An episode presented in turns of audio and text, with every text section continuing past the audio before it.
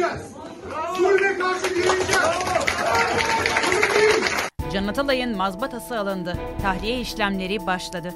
28. dönem milletvekili genel seçimlerinde Türkiye İşçi Partisi'nden Hatay milletvekili seçilen ve halen Silivri'deki Marmara cezaevinde tutuklu bulunan Şerafettin Can Atalay'ın mazbatasını avukatları teslim aldı.